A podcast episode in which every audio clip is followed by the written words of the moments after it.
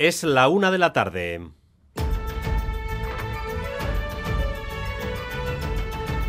Crónica de Euskadi con Dani Álvarez.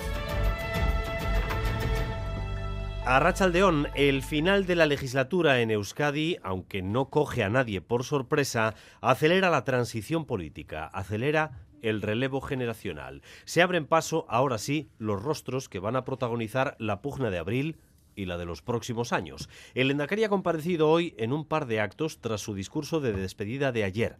Dos apariciones relacionadas, por cierto, con el sector sanitario. Irache Ruiz. Sí, el día después Urcullo ha declinado trasladarnos si está más tranquilo. Pero ha presidido dos actos relacionados con la investigación y la sanidad. En el primero, el Endacari ha destacado que Euskadi ha logrado el objetivo que se marcó hace 10 años, superar la media europea en innovación. En Zaya ha reconocido uno de sus puntos débiles, que nos hacen falta médicos para destacar la oferta de 1.500 plazas anunciada ayer. El que cogerá su testigo, Imanol Pradales, anunció que abandonaría su puesto de diputado en Vizcaya en cuanto las elecciones se convocaran.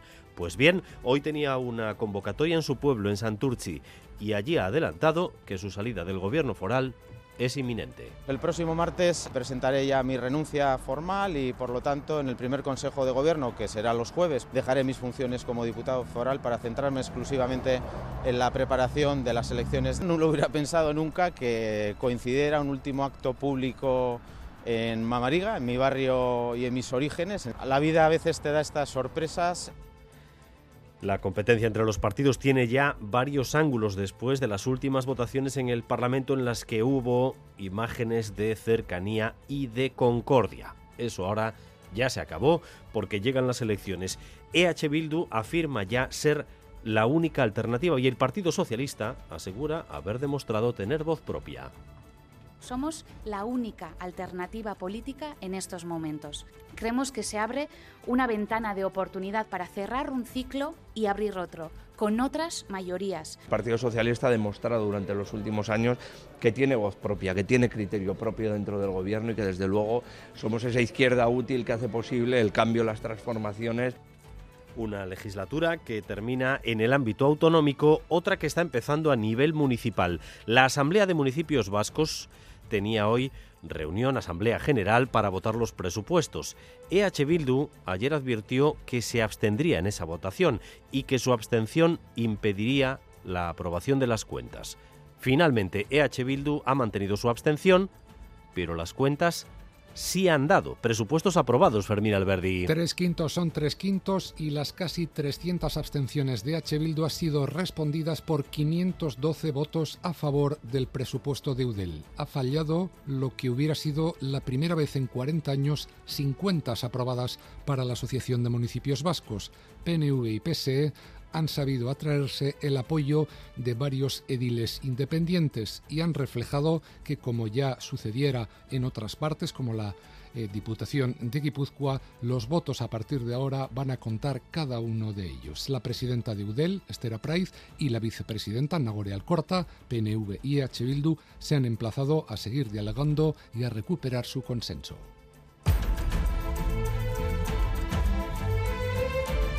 En Valencia hay confirmadas cuatro víctimas mortales tras el terrible incendio de anoche en un edificio de viviendas, aunque todavía hay más de una docena de desaparecidos. Los bomberos han podido acceder al interior del edificio, que se convirtió en una antorcha en apenas unos minutos. La investigación deberá determinar qué ocurrió, aunque el origen parece claro, un toldo. Natalia Serrano. Los bomberos, si ya están dentro del edificio, era lo importante esta mañana. Están desescombrando, apuntalando para que pueda entrar luego la científica, técnicos del ayuntamiento, es decir, la investigación.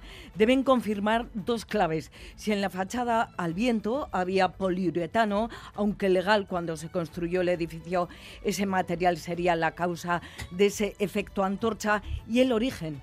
El visionado de imágenes ofrece ya esa primera hipótesis, explicaba el presidente del Colegio de Arquitectos de Valencia, el fuego comenzó en el toldo de una terraza. Comenzar en una, en una terrassa, alguna cosa que están allí, i va prendre foc els toldos. Eh? Eh, aquests toldos van començar a cremar, el vent va ajudar, cremaria plac a tres elements que poden ser combustibles. Toda la zona está acordonada, los dos bloques ennegrecidos están sobrevolados por drones rodeados de escalas de bomberos que monitorizan el edificio. Se espera que no se caiga. Entre los desaparecidos hay una familia de cuatro miembros, dos de ellos menores de edad. Quien más, quien menos ha salido hoy de casa echando un vistazo de reojo a la fachada de su edificio, preguntándose si ese horror de Valencia podría darse también aquí en algún momento. En Euskadi, estas fachadas llamadas ventiladas comenzaron a utilizarse a partir del año 2000 y desde ese momento el poliuretano que se había empleado en las fachadas convencionales se fue sustituyendo por otros materiales. Es posible que todavía quede alguna de este tipo, pero serían pocas. Asier Pérez Carrero es el gerente de la empresa Fabenorte e Itziar Rodríguez Arquitecta. Sobre todo en obra nueva habrá mayor porcentaje de fachadas con ventiladas con poliuretano, sin ninguna duda. Y algunas en rehabilitación, pero serán pocas. ¿eh? Yo creo que por los años que hay y demás, nosotros hemos hecho yo creo que ninguna, pero sí que las habrá. Sí, sí, pues igual que el edificio de Valencia. Transmitir un mensaje tranquilizador a la gente que ha hecho una renovación ahora de fachadas, que estén tranquilos porque los materiales que se emplean hoy en día ya no son poliuretanos, entonces que no van a sufrir estas circunstancias. El próximo 6 de mayo se cumplen 100 años del nacimiento de Néstor Basterrechea. El Bellas Artes acoge la primera de las exposiciones programadas para celebrar ese centenario. Se trata de una muestra titulada Basterrechea, Diseño y Arquitectura. Reúne más de 150 piezas de obras no tan conocidas de su trayectoria. Gorka Basterrechea coordinador general del programa del centenario e hijo del artista. Néstor creía con fervor que el diseño podía hacer cambiar y mejorar la vida de las personas y arriesgaba la materia y la forma poniéndolas al servicio de lo cotidiano. Creía con fervor que la belleza de la arquitectura y sus volumetrías hacían palpables los sueños que viajaban desde el interior buscando la armonía. Creía con fervor que la experiencia íntima de compartir identidades podía concluir en un bienestar colectivo. Y vamos también con lo más destacado del deporte. Ya tenemos encima una nueva jornada de liga en primera. Esta noche, la Real. César Pérez Gazola, Zarracha León. Arracha Dani, pues sí, abre el equipo Chiurdín. La jornada 26 en primera. Recibe al Villarreal en el Real Arena. Todavía sin su capitán, sin Mikel Oyarzabal. Eso sí, con la recuperación de Cherne y de Seraldo Becker. El equipo de los Tierra, en caso últimamente, no está encontrando un rendimiento adecuado y suficiente para ganar partidos. De hecho, son ya tres meses sin hacerlo, desde el pasado mes de noviembre a las 9. Hoy Real Sociedad Villarreal. En el parejas de pelota, Altuna y Martija son ya semifinalistas. Ganaban ayer 22-11 a Urruti y Anderimaz en Tolosa. Esta noche en Sorroche, en Amorevita, un nuevo partido del playoff del parejas. El Ordi Rezusta ante Peña de Albisu. Los que pierdan quedan eliminados y los que ganen se jugarán el domingo en Bilbao, en el Puerto Vizcaya, un nuevo puesto en semifinales. Y en balomano, partido hoy de Liga Sobal para Neitasuna. Desde las ocho y media, los navarros visitan la pista del Ademar en León, ganando se colocan quintos los de Quique Domínguez. En cuanto al tiempo, se han activado ya varios avisos por el temporal. Esta tarde volverán los chubascos y el fin de semana será plenamente invernal. Lo peor vendrá desde el mar y ciudades como Donostia ya se preparan. Mayal en Galparsoro. Estamos en alerta naranja por riesgo, por riesgo, marítimo y por el impacto del temporal en la costa, con olas que pueden superar los 5 metros. Por ello, en Donostia quedarán cerrados a partir de las 2 el Paseo Nuevo, el Espigón de la Zurriola y el acceso al Peine del Viento. Esta alerta naranja se extiende además a mañana sábado y también al domingo. En general se espera un fin de semana con tiempo muy inestable, frío, lluvia, incluso granizo mañana y puede que veamos también nieve.